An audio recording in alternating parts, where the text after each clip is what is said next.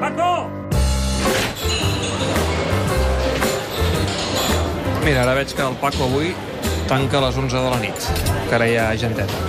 Què tal, Lluís? Què tal, com estem? Bé, bé, ja bé. veus com el Paco està retirant ja les banderetes que aquí tenia de Boca i de River. Em- M'han tornat boig perquè Va, va, he pensat, Paco, no podem va, fer l'esnac perquè hi haurà la final. Després sí que el podem fer. Escolta'm, El Paco sí que ha parat boig aquesta tarda, m'han dit aquí. Que si posava les banderetes, que si no les posava, que Paco, que, que no juga al partit, Paco, que suspèn, que s'ajorna, i l'home ja diu que, que, que, que, que si s'arriba a jugar aquesta final, la, la, la tornada, que amb ell que, que el busquin. sí? Sí. Abu Dhabi, potser. Ostres, És ja que fa seria, riure, eh? ja seria, no, no va fer tant de riure el que va passar ahir, eh? No va fer tant de riure. Jo acabo, acabo d'escriure una columna a Mundo Deportivo que diu no llores Argentina, amb el Don't Cry for Me Argentina, però és que és per plorar, eh? Per plorar, perquè és lamentable el que està passant amb aquesta Copa Libertadores i no sé per què no, estava, no, no estaven avisats del que podia passar. Records que Saviola ens deia aquell dia, sobretot que no hi hagi incidents, sobretot que no hi hagi violència, que és la pitjor imatge que podem donar al país. Tinc família a l'Argentina, avui parlava amb un dels meus cosins i em deia em preocupa més no tant el que estigui passant abans, sinó el que pugui passar després. Clar, El que pugui passar les després. conseqüències de qui és perdedor, com s'ho prendran, de quina manera... Home, ara us escoltava fa una estona, mentre us esperava aquí, i, i de les diverses posicions que hi ha, des de River, que vol jugar el partit al Monumental i en públic, a la de Boca, que demana la suspensió del, de l'eliminatòria que li donguin directament la Copa, si agafem l'antecedent del 2015, on ja va passar això del famós gas mostaza, però la bombonera de Boca, on es va suspendre el partit... Alguns diuen que és una venjança. Bueno, no sé si venjança o no venjança, mala venjança en aquest cas, mm. i a més menjada en un plat fred, perquè han passat eh, 3 anys d'allò.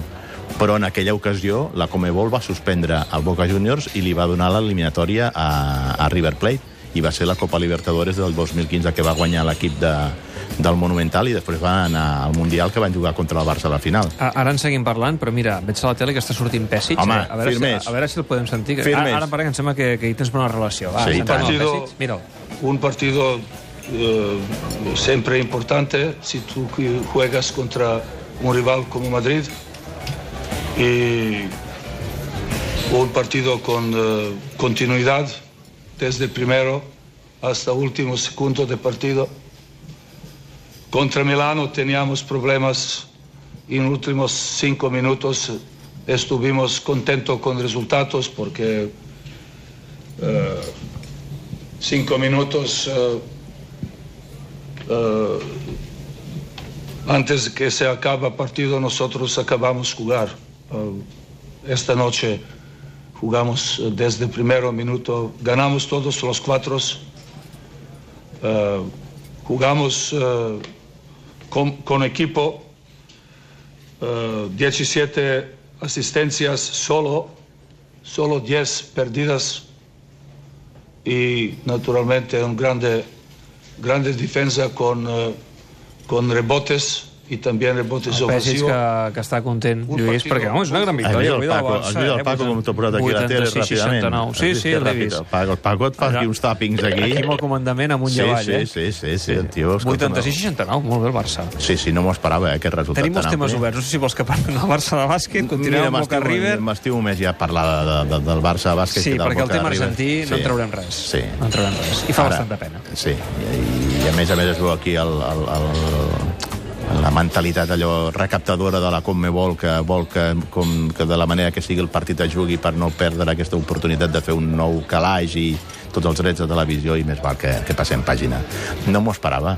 No esperava que el Barça guanyés amb la rotunditat que ha guanyat el, el, el Real Madrid perquè el Madrid, si bé venia a perdre un partit que era la pista de l'Olimpiakos a l'Eurolliga, eh, estava fent una campanya pràcticament impoluta, no? Tinc la sensació que potser ja ha tornat al Barça, perquè déu-n'hi-do quin via crucis que hem, que hem atrevessat. Home, la veritat és que també el Barça s'hi ha posat a l'hora de fitxar i ha fitxat bé i s'ha gastat calés. Eh, És un dels quatre mm, pressupostos més alts que hi ha en aquests moments a l'Eurolliga però crec que la personalitat de Pesic juga un paper important i el lideratge que està mostrant el, el tècnic eh, serbi eh, per mi és la clau d'aquest eh, Barça, d'aquesta temporada i d'aquest revifar del, del conjunt blaugrana. Me'n vaig al futbol, perquè déu nhi el cap de setmana també. Que el, vam, el vam començar amb el Madrid palmant eh, al Sí, camp de l'Eiber, sí. 3 a 0. El vam continuar amb l'empat en un partit eh, amb diferents fases eh, del Barça al Wanda, i l'hem rematat avui amb aquesta victòria del Girona al camp de l'Espanyol.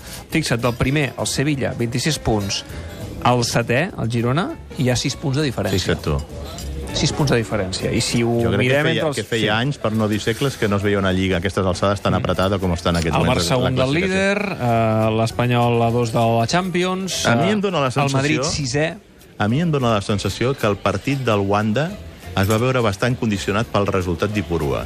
I m'explico. A partir de veure que el Real Madrid eh, fes el que fes, mm, no s'acostava als dos de davant, que eren el Barça i l'Atlètic de Madrid, van deixar allò com, com aixecar el, el, el, peu de l'accelerador i van dir, escolta, no anem a fer-nos mal, anem a especular amb el resultat, eh, tant ja no cal parlar de, del, del futbol especulatiu del, del Xolo Simeone, però crec que també el mateix, el mateix Valverde s'hi va, apuntar, va apuntar a la festa. L'Atlètic és veritat que, que no va fer la pressió alta, que es va dedicar a tapar-li els espais al Barça i allò esperar un cop de sort, un... un... No va ser un partit lluït No. per l'espectador. No, va ser un partit Com, molt tàctic. com, la, com molts Bueno, dels és que hem viscut al Wanda, eh? És d'aquells partits, és d'aquells partits que agrada més als entrenadors, però no als aficionats. En l'era Simeone, perquè antigament els partits del Camp de l'Atlètic de Madrid, jo els recordo, Sí. aquell, el més famós, aquell de Romario fent Sí. quatre, quatre gols, van ser? Quatre? No, Romario en va fer 3 i Tres. vam acabar perdent 4-3. Correcte. N'hem viscut de Charlie tots colors. deia, Charlie deia, Luis Aragonès és un bon client. Sí. Perquè, a més a més, feia aquella defensa en línia avançada i el Barça amb la velocitat de jugadors entre les passades en profunditat a l'espai de Michael Laudrup i les diagonals de Risto Stoichkov o de Chiqui Begiristain i l'arribada de jugadors de, de segona línia Aquell de Romario amb estralls. 0-3 al descans. Sí. Amb 0-3 al descans, que si no recordo malament, diria que... No, no sé si el narraves Sí, tu, el oi? narrava jo. Tenia, tu, i, i tenia de convidat al costat i, i tenia de convidat al costat meu el Ramon Pellicer, Ah, sí? que estava aleshores fent el telediari a Televisió Espanyola. Li vaig dir, Ramon, no torno a convidar més. 4-3 va acabar perdent. No, el que deia i, que... I Romario m'havia de venir l'endemà al gol a gol. I no va venir. I jo, a la mitja part, fregant-me les mans, dient, ostres, tu, tinc el personatge de la setmana, fotut tres gols, demà vindrà... Doncs a l'avió em va dir, lo dejamos para otro día, ¿eh? Digo, no, mejor, mejor para otro día, mejor Clar, para eh, otro día. sempre passaven coses al Calderón, però des que va arribar Simeone, el tarannà Bueno, han partits... passat, han passat perquè Simeone en Lliga en Lliga no ha aconseguit mai guanyar el Barça. No, és sí que és veritat que va tenir un empat que li va significar guanyar una Lliga aquí al, al, al, al Camp Nou, quan l'Atlètic en el 2014 es va proclamar campió de Lliga, no? Però, però en Lliga no l'ha guanyat mai i però d'altra banda ha aconseguit eliminar-lo en dues ocasions a quarts de final a la Champions, no? Mira, ha marcat el Villarreal, per cert, Gerard Moreno. Gerard Moreno. 1-0, davant del I això que no estava fent gaires gols, eh, Gerard Moreno? Me n'alegro per ell perquè és un nano que, que, necessita, que necessita que les coses li sortin bé perquè, a més a més, La em consta que ho està passant Fornals, malament no? sabent que l'Espanyol que ha deixat li van tan bé les coses i ell fent el canvi no, no ha sortit tant. Anava a dir que el Villarreal i el xaval aquest al Fornals Fornals, ens ho hem de creure això o què? A mi és un jugador que m'agrada, eh? Ara, si, si, si el Barça li va darrere o és un jugador amb, expectatives de, de poder jugar al conjunt blaugrana, això sí que ho desconec. No, no tinc Perquè, informacions. és clar, Què et vaig dir l'altre dia Rabiot? Què et vaig dir a Rabiot? sí, eh? que tu el veies. Que tu Que jo el veies. veia. I, I ara ja quin dia estem? Avui estem a dia 25 de novembre Val, o sigui, ens queda un mes i cinc dies ja. i saps què ha passat avui? Que Rafinha s'ha trencat Collibarres. Sí. Jo no sé si això plantejarà Podria al Barça precipitar, que podria. al mercat d'hivern arribi algú. Bueno, eh, ja, jo he escoltat alguna versió que diu que el Paris Saint-Germain estaria disposat a escoltar ofertes en el mercat d'hivern si finalment el jugador no li renova a 31 de desembre, que és quan queda lliure amb possibilitats de poder negociar amb qui vulgui. I davant de la possibilitat de plantar-se el 30 de juny sense, sense veure ni un sol cèntim eh, per Rabiot, doncs ja estaria disposat, m'imagino que si li consta que Rabiot pugui arribar a un acord amb el Barça doncs, a, a negociar la sortida de Rabiot al Futbol Club Barcelona. De fet, el que sí tinc més que confirmat és que un dels dos equips que va darrere Frankie de Jong, un és del PSG, l'altre el, el, el City. Sí, però l'Oriol Domènech ens explicava l'altre dia i això és molt noble per part de l'Ajax, que han fixat un preu, 75 milions tant per De Jong com per De Ligt, Sí. i això no serà una subhasta. És a dir, que aleshores posa els 75 milions sobre la taula i després posa't d'acord amb el jugador, és a dir, que triarà el jugador. Mm. Això està bé, és noble per part de l'Ajax. Sí, sí, sí, sí. Jo, jo no entro d'això, però el que sí que és un dels clubs que estan més interessats per, per, per uh, Frankie de Jong és el, és el, el Paris Saint-Germain. Quan també m'arriben les mateixes informacions que em diuen que el Barça ha baixat en la intensitat del seu interès per De Jong. Per què? Perquè m'imagino que deu tenir la possibilitat de tancar lo de... lo de... lo del jugador del Paris Saint-Germain, eh? lo de... Tens, tens a Rabiot, tens a Rabiot, a entre cella i cella, eh? i per tant, no, no, no, no, és, no és que el que tingui entre cella i cella, més que res que et quadren els números, és a dir, Sí, sí, sí. difícilment tu pots Ai, anar a fitxar no, no sé, dos jugadors no, com no. siguin Delight A mi, i, no, i a mi no em fa trempar. A mi m'agrada més mm, Frankie de Jong. Home, clar. A mi m'agrada més Frankie de Jong, li veig més maneres. Però també és un meló més per obrir, perquè és un jugador més jove. L'altre està una miqueta d'allò, un pas més, més, més madur i més consagrat.